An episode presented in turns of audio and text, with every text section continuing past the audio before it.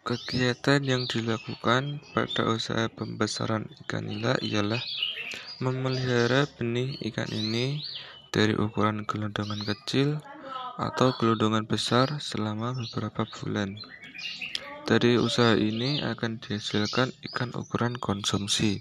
Gagasan utamanya adalah usaha pembesaran ikan nila merupakan usaha memelihara ikan nila berukuran kecil menjadi besar.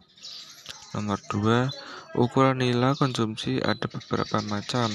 Untuk konsumen lokal yang daya belinya masih rendah, lebih menyenangi ikan yang berukuran 100-200 gram per ekor karena harganya relatif murah. Adapun untuk konsumen golongan menengah ke atas lebih menyukai ikan yang berukuran 400-1000 gram per ekor.